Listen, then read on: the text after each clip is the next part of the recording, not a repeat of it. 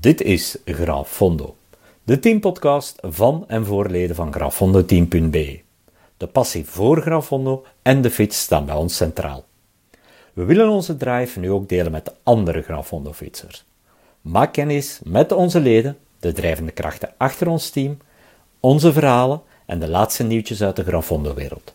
Deze podcast is ongeknipt, niet professioneel, maar wel puur en vanuit het Grafondo-hart. Oh ja, moest je zin hebben om deel uit te maken van ons team? Vergeet dan zeker niet een kijkje te nemen op www.grafondoteam.be en vul daar het formulier lidmaatschappen in. Aansluitend ontvang je de instapmogelijkheden via het Grafondo Basic lidmaatschap. En abonneer je zeker op ons podcastkanaal, zo mis je geen enkele update. Veel luisterplezier gewenst.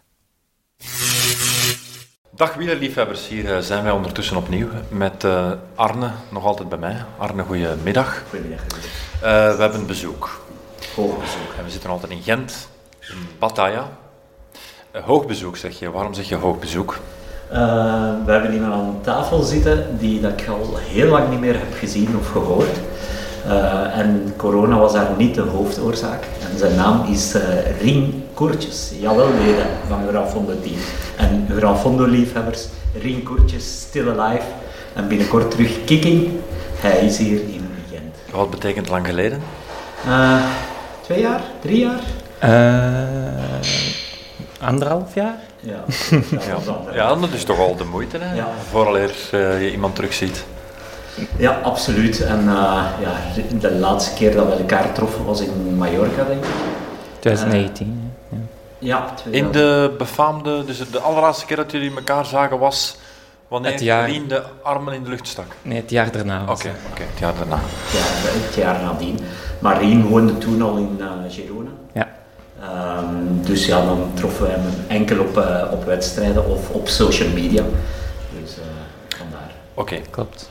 Dat klopt, maar er valt dat veel klopt. meer over jou te vertellen. Rien, vertel eens.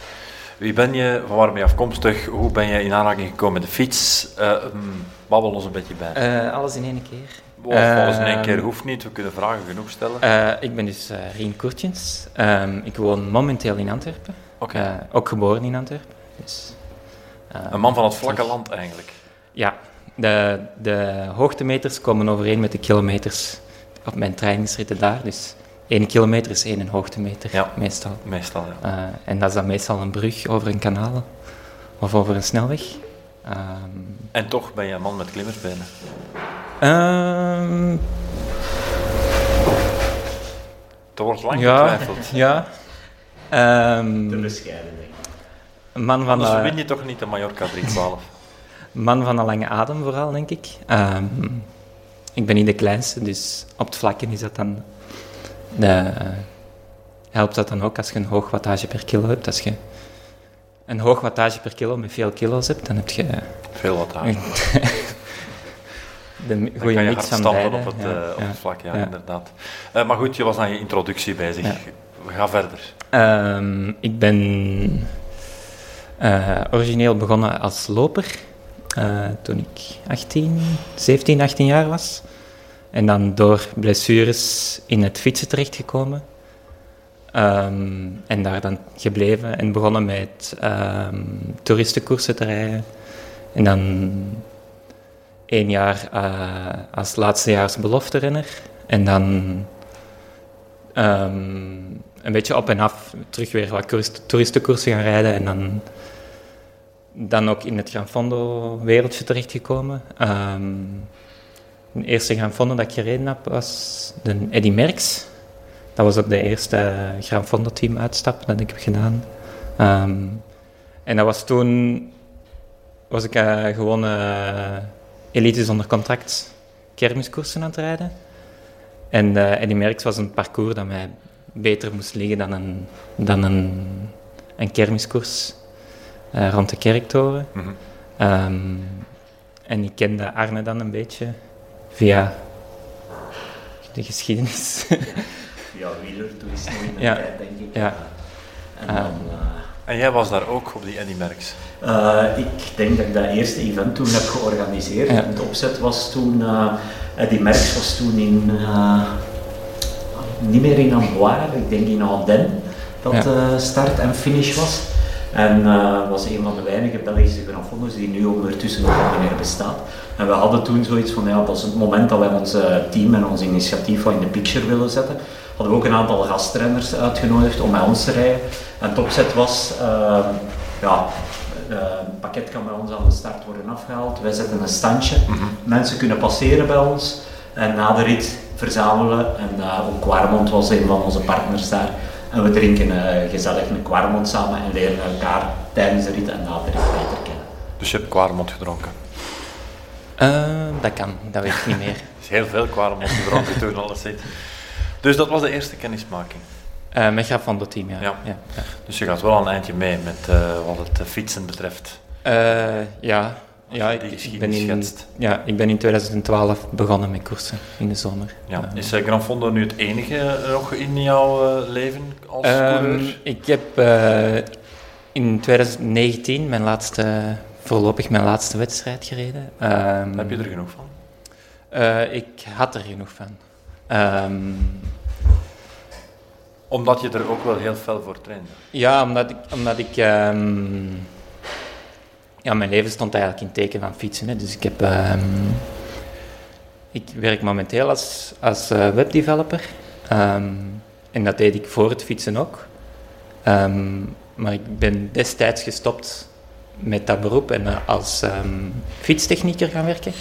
Om, Om gewoon om meer ja. tijd te hebben Ja. om, om te fietsen. Dus ik was... had ik werkte... afgestemd op ja, het ja. fietsen. Ja, ik werkte net genoeg om, om een fiets te kunnen betalen en onderdelen te kunnen, kunnen kopen. En dan werkte ik als eh, mechanieker ehm, voor Decathlon in België. En in de winter ehm, in Gran Canaria voor een fietsverhuurbedrijf in Gran Canaria. Ehm, dat heb ik twee winters gedaan. En dan ben ik naar Girona verhuisd. eh, in Spanje. En Girona is een beetje de, eh, de hoofdstad voor profielrenners Ja, in Europa. Ja, ja, zeker Ehm, internationale gasten zitten ja, daar. en daar ook als, eh, als technieker gewerkt voor een eh, verhuurbedrijf. Ehm, ja, ik, ik heb altijd rond eh, tussen de 20 en de 30 uur per week gewerkt en dan, zoveel mogelijk trainen ook en fietsen. En, en dan de, ehm, de periode dat ik het, het, meeste ervoor gedaan heb was voor eh, Mallorca in 2019. Dus eigenlijk de editie nadat ik, dat ik gewonnen had. Ehm, en daarna even ja, geen, geen zin meer om te gaan trainen en dan eh, nog eh, iemand leren kennen. Ja, die je ook Ehm, hebt meegebracht. Die ja. misschien niet aan het woord gelaten wordt, maar dat maakt niet uit. Jouw vriendin dus. Ja, ehm, mijn vrouw om- ondertussen. Vrouw, excuseer me. Omdat je het gevoel hebt dat het tijd is voor een soort nieuwe fase en dat daar echt eh 600% leven voor de fiets niet meer in thuis hoort? Ehm, ja, de focus is nu gewoon aan iets anders. ehm. Eh, ik, Wat oké is, hè? Ja, ja, ja. Eh, ja, ik heb, ik heb altijd maar gewoon gedaan wat ik, eh, waar ik zin in had. Ehm, en ook, ook echt gefocust op, op het doen wat ik wil doen. Dus ik wou fietsen. Ehm, en, maar ik wou niet fietsen in België in de winter. Dus dan ben ik maar naar Spanje verhuisd. Soms zit het ook zo En, simpel in en elkaar. ehm, mensen zeggen, ja, je hebt toch wel geluk gehad dat je dat, je dat hebt kunnen doen, maar ik, dat is ook... Ik wou...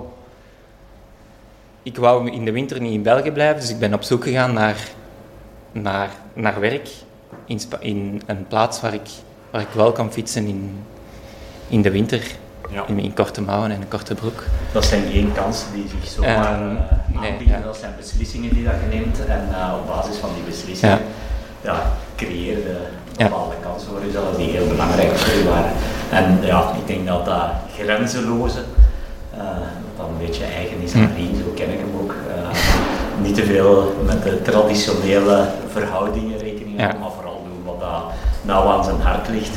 En ik denk dat daar ook eh, de reden was waarop dat je op een gegeven moment in 2019 hebt beslist van ik ga mijn fietsmateriaal verkopen. Ik neem Ja. twee paar schoenen en we gaan naar Bangkok. Eh, Bangkok, ja. Ehm, ja, mijn vriendin destijds en mijn vrouw nu is Thais. Ehm, en zij studeerde in Girona. Ehm, maar haar visa was, ging na haar studies aflopen. Ehm, dus moest zij terug naar Thailand. En dan heb ik gezegd, ja, dan ga ik mee. Ja. En dan, eh, ik had een hoop fietsen en materiaal en alles in Girona verzameld. En ik moest zo weinig mogelijk mee naar Thailand nemen. Dus ik heb eh, zoveel mogelijk verkocht. Oeh. Deed, Ehm, deed dat pijn of... eh moi, het kon toen ik was toen al... ik had al die fietsen nog wel, maar ik, ik, eh, die stonden alleen maar stil. Dus Ja. op dat moment eh, was dat geen probleem voor mij. Ehm, En blij dat je de keuze gemaakt hebt Ja. om naar Bangkok te Ja. gaan. Ja, ja. het was een interessante ervaring. Kan ik me voorstellen. Ehm, Wat een stad. Ja. ja, en Thailand is ook wel eh, een mooi land. Ja. Er zijn, niet alles loopt daar van een leien dakje, maar er zijn ook wel mooie kanten aan. Is het een herkenbaar verhaal, Arne? Niet voor jou persoonlijk, maar dan voor sommige leden binnen het team. Dat, we hebben wel al met wat mensen gesproken en het eh, vergt wel wat. Hè. Iedereen is gepassioneerd, eh, steekt heel veel uren tijd in dat fietsen. Dat het dan op een bepaald moment wel eens omslaat en men, eh, men het idee heeft, ja, het is misschien wel even genoeg geweest van zoveel op onze fietsen zitten. Ja, ja zeker. Want ja, die passie zet je rap om in iets fanatiek. En je gaat bepaalde keuzes maken eh, om nog fanatieker te worden, om het zo te zeggen. En ja, weer al, die balans Mm. gaat de verkeerde richting uit. En dan op een gegeven moment kan het ook zijn dat je gewoon er genoeg van hebt. Ehm, ik ben voorstander van een 80% regel. Vertel, ik ken hem niet. Leg de lat op 80% en probeer daar zoveel mogelijk van te genieten. Als je dan binnen je genot en binnen je eh, mogelijkheden aan 90% van je capaciteiten geraakt, des te beter. Maar probeer te genieten van een 80% vorm, een 80% qua doelen. Ehm, en haal daar ook voldoening uit. En mik niet altijd op die 100%. Ehm, ik zeg altijd van, als je enkel een Grafondo rijdt, als je perfect in vorm en met de perfecte voorbereiding, eh, enkel alleen dan aan de start dan gaat je niet veel rijden. Ja. Ehm, anderzijds, heel veel van de mensen zeggen ook, ja, gewoon aan de start staan om de hoop te vullen, dat interesseert mij ook niet. Eh, en dat kan ik ook begrijpen. Maar Er is ergens iets tussen jullie ook. Ja, Absoluut, iets- zeker als niet-prof, zeker als ja, iets ouder wordende eh, fietser. Eh, ja, oud is relatief natuurlijk. Maar het is kwestie van daar de gulden middenweg te vinden en ook niet enkel de prestatie voorop te zetten, maar ook de fun factor. Ja, tuurlijk.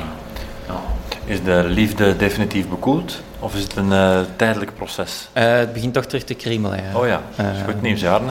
Eh, absoluut. En eh, dat is ook de reden dat hij hier zit. Nee, eh, de reden dat hij hier zit is... eh, Is dat hij een verhaal heeft?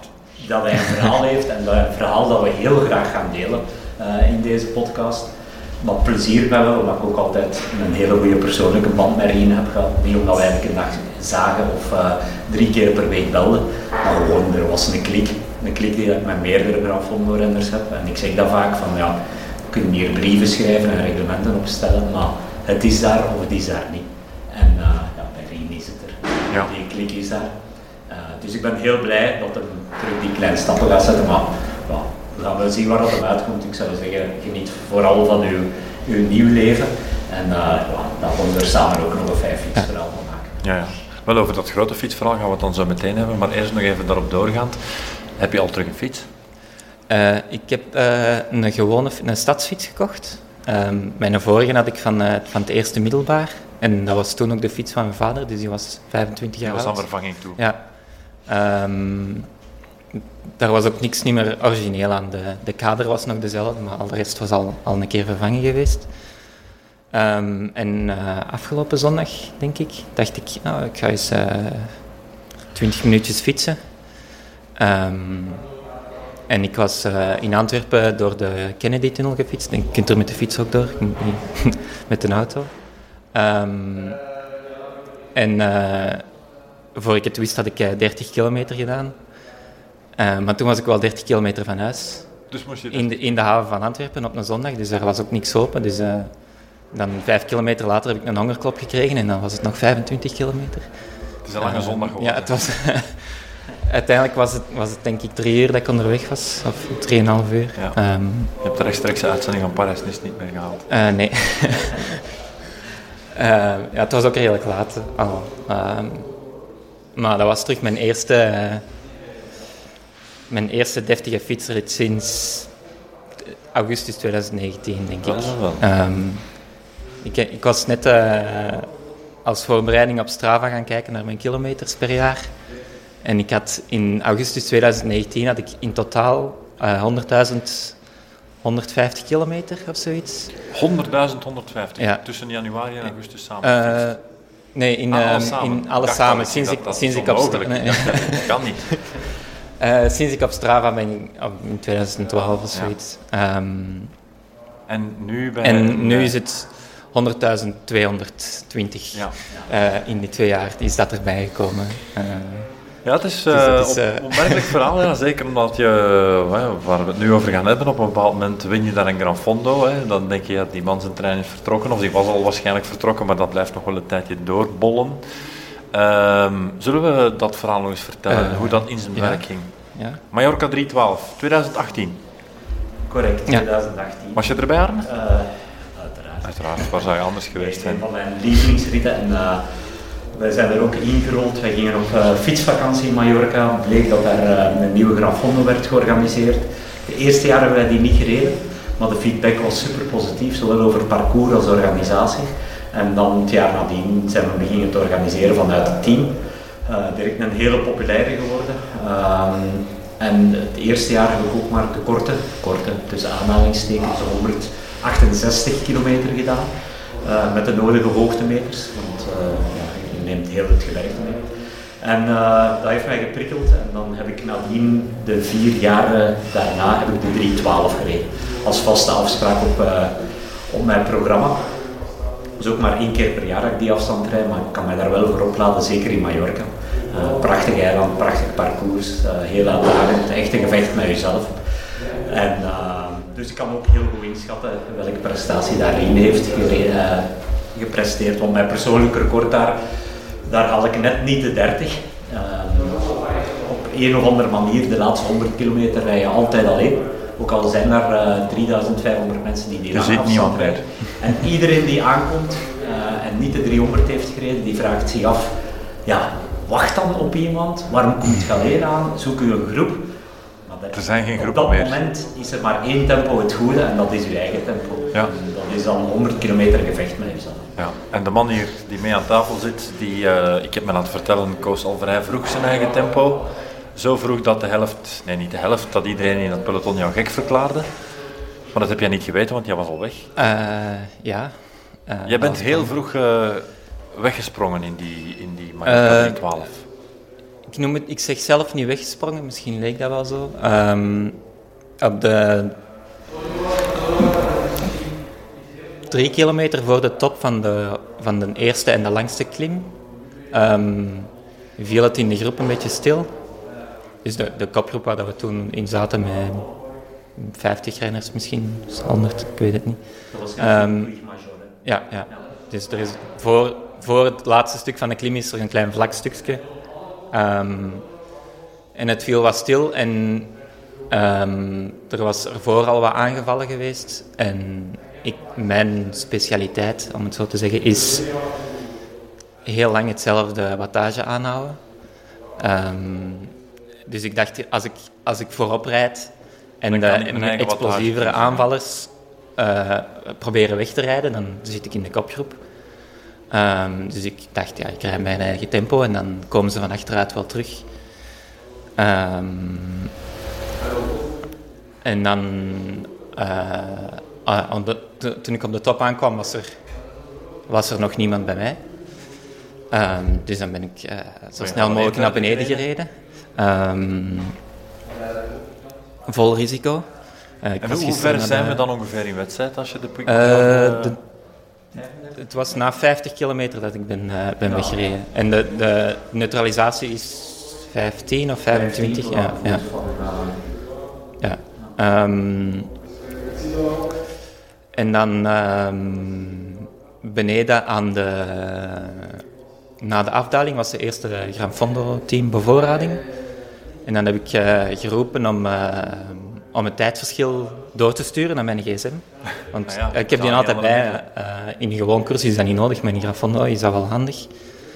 Ehm, om via WhatsApp het tijdverschil door te sturen. Ehm, en dat was dan drie minuten of zo, op, op een groep van twintig. Ehm, En, dan... dacht, ik blijf maar doortrappen, ze moeten maar ja, ik, ik, zolang dat je voorop bent, zit je voorop. Hè. dat is misschien een nog beetje zo mijn, eh, mijn koersmotto. Ehm Doet mij een ehm, beetje denken aan een soort ja. Thomas de Gent type. Ja. En ik, ik heb gewoon... Zo, zo van, ik trap en ik heb Ja. mijn wattage die ik trap Ja. en ja, de rest moet maar harder trappen om terug te komen. Ja, ik had in de voorbereiding ook een paar lange ritten gedaan en dan proberen te achterhalen wat, welk wattage ik eigenlijk kan blijven trappen zolang ik eten en drinken heb. En ik heb dat wattage aangehouden en ehm, elke keer als ik, eh, als ik vroeg voor tussentijden, dan, dan kwam, daar, kwam daar minuten bij. Ehm, maar in een wedstrijd van 312 kilometer kun je als je na 150 kilometer een kwartier voorsprong hebt, kun je die in de laatste 150 kilometer ook terug weer kwijtspelen. Zeker. eh, als je een keer lek rijdt in de Gran Fondo, moet je ook gewoon zelf je band vervangen. Ehm, dat kan ik zelf ook wel redelijk goed als mechanieker, maar dat zijn, dat zijn ook minuten die, die heel snel, snel eraf gaan. Dus En ik heb je nooit een moeilijk moment gehad? Heb je nooit echt een klop gekregen? Eh, niet dat ik me kan herinneren. Ehm, ja, misschien toch wel.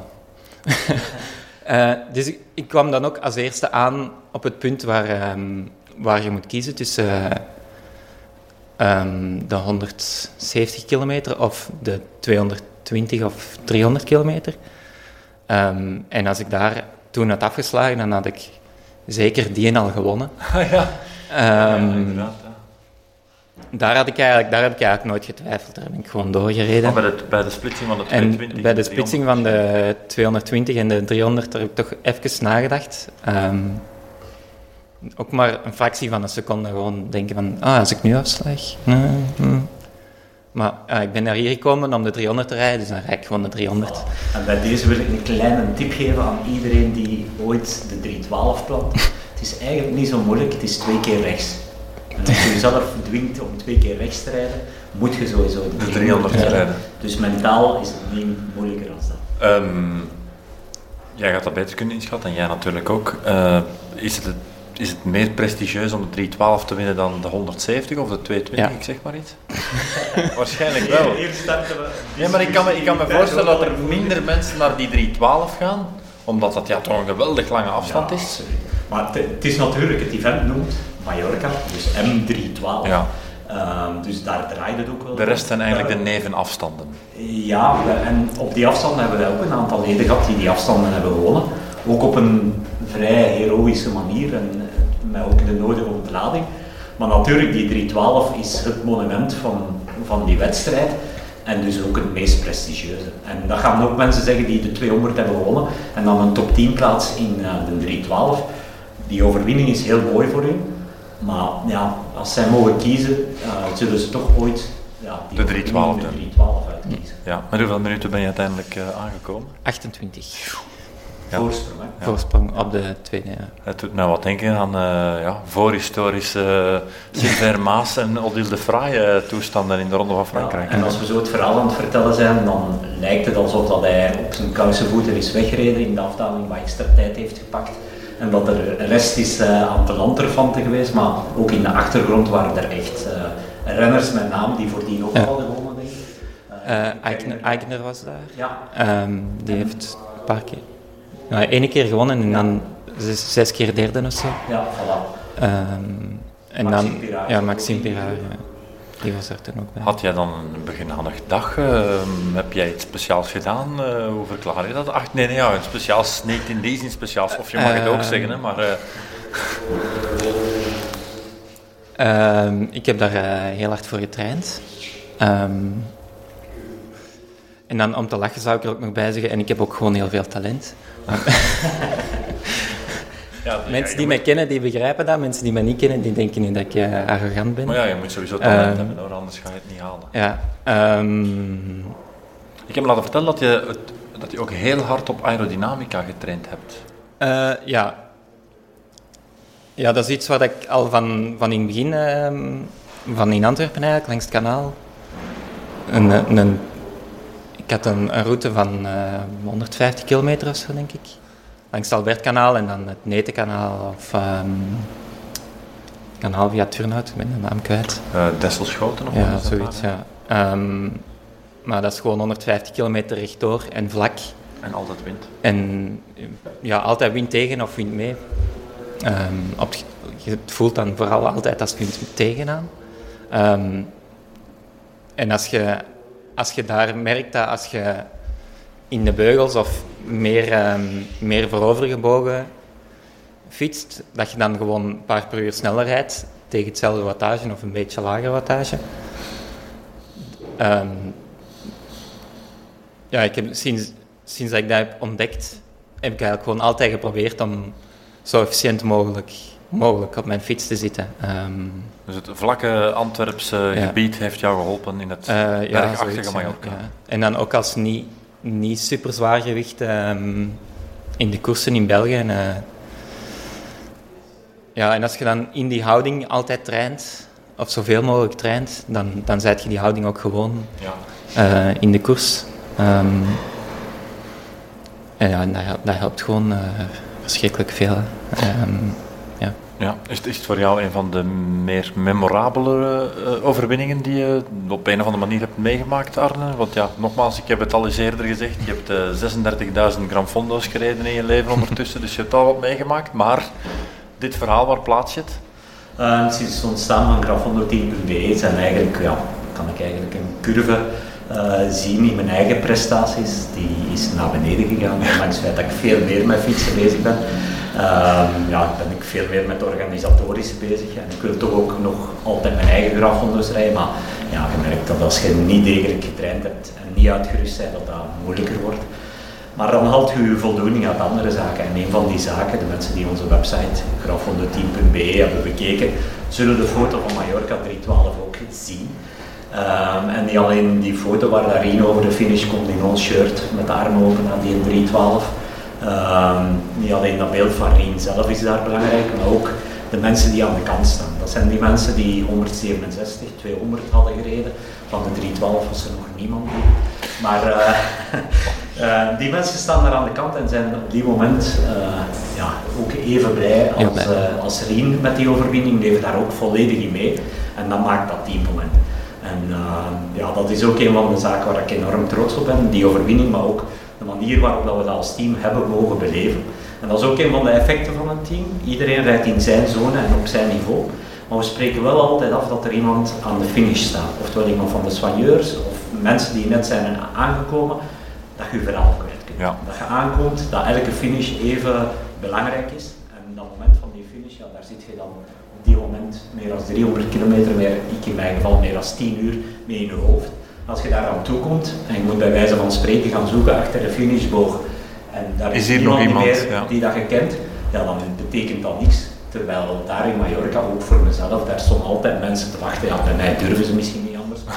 Maar, eh, daar stond altijd wel iemand klaar waarmee dat je je moment kunt delen, ook je slecht moment. Want op een of andere manier krijg je dan een paar minuten na, na de finish, word je fysiek ook heel, heel slecht. Met alle gevolgen van die. En bier, ja, kan wel lekker zijn, maar op die moment net niet. Dat is Eh, ook alcoholvrij bier daar. ja, ook dan nog, nog alcoholvrij, dus het is nog niet stimulerend ook. Dan moest je met zien dat er nog mensen goesting hebben om naar Mallorca te gaan. Hè? Ja, ja, ja maar ja, om mee te geven, de beste bevoorrading in Mallorca is in Arta, op 30 kilometer van de finish. En daar is altijd een feestje met gratis bier. Oké, Ehm, ja, dat gaan we dan onthouden. ja, Die vaten zeggen, waren nog niet aangesloten toen ik daar passeerde. waren we Van ja. Dus, eh, nee, nee, maar ik wil maar zeggen, dat moment, ja, absoluut voor het team belangrijk, dat beeld, die foto, die andere mensen langs de kant, dat is, eh ja, dat is graf van de team.be voor mij. Ja. Dat beeld, dat moment. Ja. Was het jouw mooiste dag op de fiets? Eh, ja. ja. ehm, Heb je veel overwinningen behaald? Ehm, een paar toeristenkoersen. Ehm, en dan grote overwinningen zoals die eigenlijk. eh, die en dan een maand later in eh, Catalonië. Dat is in Girona, eh, Girona, de provincie van Girona. Ook een. Eh, een, ehm, een koers van de, van de Catalaanse wielerbond. Oké. Dus ze hebben daar een, een soort regelmatigheidscriterium. Ehm, en dat was een van die koersen daarvan die ik toen. toen En dat was ook een lastig parcours, ja. Girona dat was een Vlaams parcours. Dat was een... Korte een Nee, een, een eh, crosswind, wil ik zeggen. Ah, ja, ja, Eh, oké, wires. Ja, wires. Ehm, En je was mee in de goede wire. ik, ik was de goede De wa- goede wire was goed mee met mij. Ehm, Zo goed ja, was je. Ja, Spanjaarden hebben hun eigen manier van koersen en, en waaierrijden is niet de manier ehm, Ja. waarop dat die, ja, misschien in het, in, in het, in, eh, het vaste, meer het vast, in het vasteland van Spanje wel, maar daar eh, niet echt. Ehm, en dat was een rechthoek. En ehm, in een soort polder. Ehm, dus ik wist gewoon, ja, als, als de wind op kop staat en je draait naar rechts, en je bent gewoon van in, van, in, van in Vlaanderen te koersen, dan weet je wat je moet doen. Ja. En dat waren drie rondes. En de eerste ronde heb ik daar rechts als eerste opgedraaid. En eh, een paar minuten zo hard getrapt als ik kon. En dan waren we weg met een groep van 15, denk ik. En de tweede ronde heb ik dat nog eens gedaan. En dan waren we weg met zes. En de laatste ronde heb ik dan nog eens gedaan. En dan was ik alleen. Ehm, Zo simpel kan het zijn. Onthoud dat goed, en mensen onthouden dat. Ehm, en dan tussendoor nog een beetje aanvallen ook. Ehm, en dat was, ik had toen ook gewoon eh, een van, mijn, beste van mijn beste dagen. In. En die conditie van Mallorca was er nog altijd wel. Dus, ja. Maar dit is natuurlijk het eh, Mallorca-succesverhaal en eh, het succes in Catalonië dan één. Maar ik herinner mij Rien ook als iemand die vaak heel gemotiveerd en met veel ambitie aan de start stond. En waar dat ook af en toe een keer eh, tegenslag bij kwam kijken, zoals hij zegt, materiaalpech. Eh, ja, los het maar zelf op. Hè. En Dan mag je blij zijn dat het een lekke band is die dat je nog relatief snel gaat oplossen. En op een eh, golvend of een klimparcours, ja, dan blijft die schade nog relatief beperkt. Maar ja, als je dan op een iets vlakkere koers hebt of Mallorca, ja, Dat is is uw, is uw plaats kwijt. En in het slechtste geval heb je materiaalpech, waardoor dat je gewoon ja, Out of the race. zit. Ja, dat je moet wachten tot iemand u debaneert om dan al of niet verder te rijden. Dus eh, in die zin, eh, ja, ik ben heel blij dat hij dat moment uiteindelijk heeft mogen meemaken, maar ik heb ook heel veel andere momenten met Rien meegemaakt. En ik herinner mij dan ook zijn ingesteldheid als, als stopper, dat als het eens tegen zat, eh, of minder was, dat hij toch iets probeerde te maken van die wedstrijd door in support van iemand anders te rijden, of van een van de vrouwen te rijden dan. Ja. Ehm, dus Mooi. dat tekende Rien ook. Dus ik denk dat dat ja, de gunfactor, hè, waarover we het altijd hebben. Ja. Ik denk dat daardoor Rien door de jaren heen bij de Lenen een hele hoge gunfactor had gecreëerd. En dat maakte ook die overwinning Ik stel me net de vraag, heeft deze man een eh, membership voor het leven? Of moet hij ook eh, via het basic eh, membership terug instappen? Ehm, hij is sowieso lid gebleven, als ik het mij goed Ja. Dus eh, dat is al een deel van zijn engagement. En spijtig genoeg, eh, voor de toppers zijn de voorwaarden dezelfde als voor andere mensen. Iedereen gelijk voor de wet. Ja, ons is iedereen gelijk voor de wet. Dus iedereen betaalt evenveel liedgeld en krijgt een even mooi truitje. Ehm, de support is wel aangepast aan de niveaus. Dat wil zeggen, als er één met dat schema aan het rijden is, dat eh, ons supportteam serieus onder stress komt te staan. Want ze hebben natuurlijk eh, bepaalde punten waar ze moeten geraken. En rekening houden met een verkeersvrij parcours betekent ook veel omwegen. Ja. Ehm, en dat maakt dat er wel wat druk op die organisatie staat. Ehm, dus dat zorgt voor ons voor het meeste stress. Maar iemand die nadien komt, die weet wat de cut-off times zijn, weet tot welk moment dat hij van onze bevoorrading kan gebruik maken bij de eerste bevoorrading. En later in het parcours gaan die mensen ook iets langer wachten, of heel lang wachten in Ja. sommige gevallen, om iedereen dus Bevoorrading te geven. be- beloven. En op die manier proberen we iedereen te geven waar hij recht op heeft als snit. Daar is flink over nagedacht. Dat is goed. De Ervaring. mensen gaan het graag Heel horen. veel ervaring. Ja, ja, ja, ja. ja. ja, over Mallorca. Ik, ik heb toen het grootste deel van de wedstrijd meestal maar met één bidon gereden. Dus dat wil toch zeggen dat er genoeg bevoorradingen waren. Ja, ja, dat hij geen eh, Ehm, angst had om eh, ja. zonder te vallen. Ja. Ehm, en dat is ook nog eh, een, een goed verhaal. Ehm, het was net na een bevoorrading dat, dat ik dus maar één, één bidon had en ik rijd door een put. En met De bidon, eh, vliegt ja, en eh, ik was toen al mensen aan het inhalen en ik heb toen iemand ingehaald van Gran Fondo Team, ik weet niet meer wie. En zij had twee volle bidonnen. En, Heeft er ik, eentje? ja, ik kwam van achteruit en ik, en ik vraag, heb, je nog, heb, je, heb jij nog een volle bidon over? En zij verschoot ook van, paniek, paniek. dus moest ik de eerst nog kalmeren en dan en dan heb ik toch nog een volle bidon meegekregen. Dus, uh, en die bleek noodzakelijk. Ja, ja. uh, ja, ja, blijven drinken en eten zou ik zeggen. Hè. Ja, uiteraard, absoluut. Dat is altijd de basis. Ja. Zullen we nog eens iemand bellen? Ja, met veel plezier. Ja, we gaan uh, een lijn terugleggen met Spanje of met Mallorca, met de organisator. Dat zal ondertussen ook alweer twee jaar geleden zijn dat die mens jou nog gehoord heeft. Voilà, de lijn ligt open. Hi. Hi, hi. Good afternoon. How are you? Uh, I'm fine. Thank you very much. Thanks that we can call you. Um, we were just discussing the uh, Mallorca 312 with one of your former winners. Uh, I don't know if you still remember the winner of 2018. Uh, excuse me, I, I don't hear you very well. Okay, I, I will I will talk a little bit louder. Uh, we were just discussing uh, the Mallorca 312 and um, especially the edition of 2018 with uh, one of, no, not with one of the winners, with the winner. I don't know if you still remember him, the winner of 2018. Yes, of course. It was uh, one of the most impressive uh, performances that that we have ever seen in, in our event. Uh, well, the difference and and the the pace that that your team member did was was really really impressive. Is Ryan hear me? Yes, Yes. he's hearing you. I'm here. Hi, how, how are you? Good. How are you?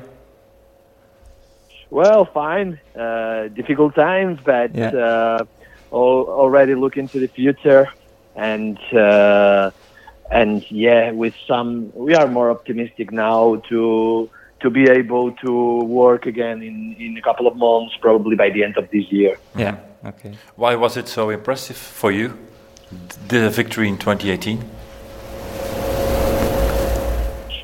Are you asking to me? Yeah, why was it so impressive for you, the victory in 2018? I, I I'm sorry. I'm uh, you with very back um, with a very uh, loud back voice. With loud back voice. Oh, that's uh, probably Yeah. the microphone of uh, the guest. I will I will shut them prob- down. I don't know. I Maybe you hear me better now. Well- I don't know. yes, yes, yes at all. Yes. That's better. Okay, we found a Completely. solution. So uh, my question was, um, why was it so impressive the victory in 2018, the victory of Ryan? W- Well, uh, with um, you know the, the day of uh, in in well in first person uh, the day of the event they have to manage a lot of things and and obviously uh, you are not looking to mm, the results uh, with uh, with a lot of attention. But from from I remember from this day uh, that the people was uh, all the time commenting me how fast was this guy? And especially the difference between the first and the second participant. Uh, it was a more than 200 kilometer solo ride. Uh, when when normally when when you heard that somebody jumped from the from the group uh, in the first uh, in the first uh, 100 kilometers, you know that it's impossible to arrive Yes. but this guy, but then uh, start to increase the difference between between their followers, uh, and it keep our our attention. In the that day in the village of the event, everybody was looking to this performance, and that sometimes when it's starting to be serious at kilometer probably 200, well, you are wondering what this guy is doing. Yeah. Uh, and I remember, well, obviously the difference between the, the, the second participant was was uh, an, an amazing gap. And well, it can be that, uh, well, probably the, the second group is not so fast. That when we look at the pace, we saw that this guy was extremely faster than the others, and we we look the best performance ever in, in the event, the best time. Uh, Yeah, I think I think the uh, average was 35. yeah, yeah, 35 kilometers per hour, less than less than nine hours. When I think the the best time at this at this point it was uh, 915 or 920. So so it was an amazing performance. We are not uh, an event that wants to increase its competitivity. You know, uh, uh, the 99% of our riders live the, the, event in a very social way. But of course, that uh, was it was the, the perfect complement to our event to have a, a very very good performance yeah. on that day. Arne, and you know him uh, also well, I think. Um, he just gave us some good critics about your race and especially about the organization, the uh, circumstances, um, the scenery of the race. Um, is it a, um, yeah, a, a, a must do for every uh, rider? I, I need your, your microphone closer, I think, from your mouth. Sorry. Is it again my microphone? Sorry. No. It, yeah. Uh, yeah. Arne Arne gave gave us some good critics about your race, um, especially about the organization, but uh, but also about the scenery of the race. So um, yeah, is it a must do for uh, for every rider in, um, in in Belgium, but also France or the Netherlands? Yeah. Well, I don't know uh, from the beginning, when we start to organize this event, we realized that we are in a perfect location. You know, Mallorca is very well known in the in the cycling world, like a like a uh, an special place, probably one of the best of the world's uh, destinations for for the cycling trips. And of course, we know from the beginning that we were in the right place. Uh, and uh, well, uh, we want to organize the, from the beginning. The the goal, our goal was to organize an event at the same level that that our destination is. Uh, obviously, the sceneries, the roads, and and uh, the the weather in Mallorca was was perfect. Uh, we are also in a very well connected island. Uh, two hours uh, from two hours flight in from from the main cities in Europe. And yes, uh, after 2016, where we achieved to to be a closed road event, uh, something impossible in cycling, in the Spanish cycling till then. Uh, uh, we are in another league. We felt like a, a, very popular event around around Europe and around the world, and especially because of the internationality. Uh, we we uh, we felt really welcomed by, by, by the local society mm-hmm. uh, because pe- people in Mallorca love our event, understand that this day the road, some roads are closed for the cyclists, but at the same level we feel very, very loved by, by the cyclists around around Europe and around the globe. Yep. We have just 35% of, of, of local cyclists. All the other are traveling to come to our events and that made us uh, especially especially good for, for the island, for, for the restaurants, for the hotels. Everybody everybody here is pushing uh, is pushing to have uh, uh a Mallorca C12 for, for a long time, and uh, we are proud about that. Yeah, maybe Ryan uh, has a question for you. I don't know. I didn't ask him yet. no. Um I just want to say that like uh, the the organization is, is indeed very very good. Um, the the closed roads. Uh, it's really really hard to organize uh, an event like this and have all the roads closed. I think. Um, yeah. Uh, um, maybe another important question, Cisco. Um, what about the event this year? When will it be organized? What are the uh, perspectives for you? Well, uh, the, the, the situation uh, in in 2020 was was really difficult for us uh, in different fields, but especially because we we know how to and we love uh, to organize events and we had we had to do it twice, and and finally we had no event. We organized by by April.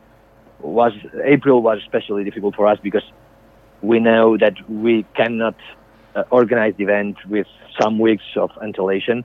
this was really, really difficult for us. We had everything ready, everything bought, uh, and all the budget spent, but uh, uh, obviously it was impossible. Uh, by October, uh, we we never thought that it was possible. Yes, at the beginning, but as as we saw in sum, during the summer how the the pandemic increases in numbers, uh, we realized that uh, it will be not possible.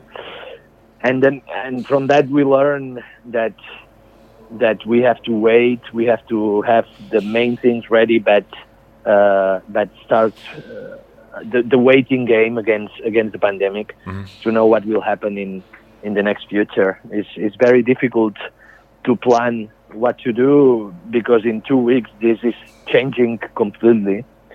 Uh, so for for the, the the 2021 edition was was planned uh, by the end of April. Yes. Obviously, it cannot be possible, and and for the moment we have a date blocked by the end of October. And End I must October. say, I, I must I must say that that uh, I'm I'm I'm really optimistic for the first time in one year. I'm really optimistic to go ahead in October. The numbers in in Mallorca are really really good. We are uh, in a in, in less than 50 uh, in in the 40 days uh, accumulate. So so this is a very good numbers. Uh, the vaccine is is starting uh, to cover at least the most sensitive population, and uh, it will increase, of course, in the following months uh, the number of people vaccinated. And that's why I, I felt uh, optimistic. My team is optimistic. We want to wait still until May, June, probably June, to to open officially the registrations. But I'm quite sure that that we can go ahead. All right. We will spread the word here in Belgium. So if everything goes well, then from June on, people can uh, subscribe themselves, and then end of October we have another Mallorca 312. We hope. Thanks a lot for the phone call. Have a good day. Bye bye. Arne, thanks very much. Voilà. Ja, lijnen met Mallorca leggen, niet altijd eenvoudig natuurlijk. Maar eh, dus eh, samenvattend, ehm, het is moeilijk om de pandemie natuurlijk eh, week na week te voorspellen, zei hij. Maar ehm, in principe dus, gaat de, of gaan de inschrijvingen open vanaf juni en zou er dus gereden kunnen worden eind oktober. Ja, het opzet is inderdaad event eind oktober laten plaatsvinden. Wij zijn als team eh, partner van, eh, van Mallorca 312, dus we hadden al tickets aangekocht voor 2020. We zijn ondertussen 2021. Dus onze leden hebben ook al kunnen registreren. We hebben ook al eh, ja, sowieso een, ticketzekerheid over hun ticket voor oktober ook. En wij zijn klaar om die trip eind oktober te organiseren naar Mallorca. En ja, slechte telefoonlijn, ik ben daar ook geen eh, voorstander van. Op dit moment hebben we geen andere opties, maar bij deze hebben we eh, eind oktober Mallorca. Ja. Eh, podcast live met Cisco. als jij het kan regelen, als jij de trip kunt regelen, dan ga ik mee. Ik heb het materiaal mee. Ehm, ga jij al mee?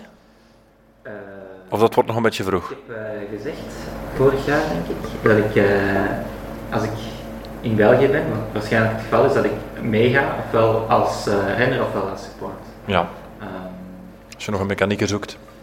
Uh, mechanieken niet, gewoon bevoorraden. Ja. Het lijkt me wel heel fijn om eh, aan een bevoorrading te passeren. Met een oud winnaar. En dan uh, Rien in de ogen te zien en te zeggen, voor u ga ik hem vandaag uitrijden. Ja, oké. Kijk, ik voel dat hier eh, de plannen gesmeed worden. Absoluut. Ja, ik heb zelf ook altijd ehm, koersen alleen gereden. Of toch veel alleen gereden. Altijd nooit met mijn ouders naar de koers of zo. Dus ik weet wel wat de, de waarde is van een, eh, van een bevoorrading. Ehm, of van iemand die aan de aankomst staat te wachten. Of van iemand die bij de start eh, nog een jasje komt aannemen of zo. Ja, Ehm, Ja, dat is dus eh, ja, ik ben ook altijd wel bereid om te helpen als het, als het nodig is. Of als ik zelf niet meer in de wedstrijd zit voor, om te winnen of om Ja. uit de resultaten halen dat ik verhoopt had. Ehm, We ja, gaan het opschrijven, hè? Ja, We gaan het opschrijven. Eh dankjewel om naar Gent te komen. graag gedaan. En eh, veel succes nog met al je beginnende fietspraktijken terug. Eh 30 en 30 is 60, dat is al ergens een begin, hè, Arne. Wij zeggen altijd vrijheid is blijheid, maar ik ben er zeker van dat eh, fietsen en Grafondo een beetje blijheid gaat brengen bij Riem. Eh, dus in alle vrijheid neem we een tijd, eh, maak er terug een plezante hobby van. En ja, je weet wat Ik heb nog- als team kunnen betekenen voor u en wij weten ook wat dat jij eh, als persoon voor ons team kunt betekenen. Dus Ja. ik zie daar mooie plannen en ik wil nog even een kleine boodschap voor de Ja. leden meegeven. Ja. Mallorca 312 gaat niet door dit jaar, uitgesteld naar oktober, maar wij blijven niet bij de pakken zitten. Wij doen de Lim 312, Limburg 312, een rondje rond Limburg, eh, voor het goede doel. En eh, die organisatie zal plaatsvinden op zaterdag 10 april. We kunnen in groepen van 10 fietsen. We zijn volop bezig met die registraties. En de opbrengst van dat event gaat direct, eh, integraal, volledig bedrag naar eh, Hart voor Limburg, naar de goede doelen. Eh, dus bij deze nog eens een oproep aan alle leden Ja. om hun te engageren voor dat event en samen iets te doen voor het goede doel. Maar ook een beetje het gevoel te krijgen wat een 312 met u kan doen. Ehm, op een softe manier, want ja, het zijn maar 1200 hoogtemeters op eh, die 312 kilometer. Het is heel toegankelijk in eh, de groepen, maar ik zou zeggen tegen iedereen ga die uitdaging aan en eh, geef uzelf de kans om dat, die ervaring eens op te doen en dat gevoel te beleven. En dan zult je ook begrijpen waarom dat wij zo gepassioneerd over die Mallorca 312 praten. Zijn er afsnijmogelijkheden onderweg? Die zijn er altijd, maar... Maar niet volgens de officiële afstand. Er is alleen maar 312. Je kunt hier en daar een stuk taart afsnijden en dan, dan geraakt je er wel. We hebben eh, een aantal logistieke voorzieningen eh, voorzien, zodat we als remmers pech hebben of eh, niet meer verder kunnen, daar gebruik kunnen van maken. Er is ook een 125 versie, Ah. een lus vanuit Kernil, waardoor dat je dan een eigen lus rijdt en terug in Kernil uitkomt na 125 kilometer. Ja. Dus er is een alternatief. Minder prestigieus Ja, ja. alternatief. De 312. Dat is ja, de real thing. Ja, ja, ja. En het lijkt misschien een grote drempel, maar ik ben er zeker van dat iedereen die een beetje fietst, gepassioneerd fietst en bezig is met Grand Fondo's, eh, dat makkelijk kan doen. Zeker in groep. Ja. En zeker in het vlakke Limburg. We gaan dat opschrijven. Lim 312, 10 april mensen. Bedankt voor het luisteren. Tot de volgende. Bye bye.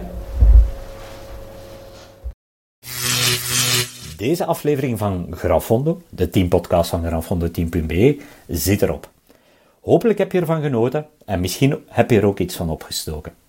Moest je zelf zin hebben om deel uit te maken van ons team, vergeet dan zeker niet om een kijkje te nemen op www.grafondoteam.be. En abonneer je zeker op ons podcastkanaal, zo ontvang je ook de updates. Bedankt voor het luisteren, geniet van het fietsen, geniet van de voorbereidingen richting jouw volgende fietsdoel en tot snel.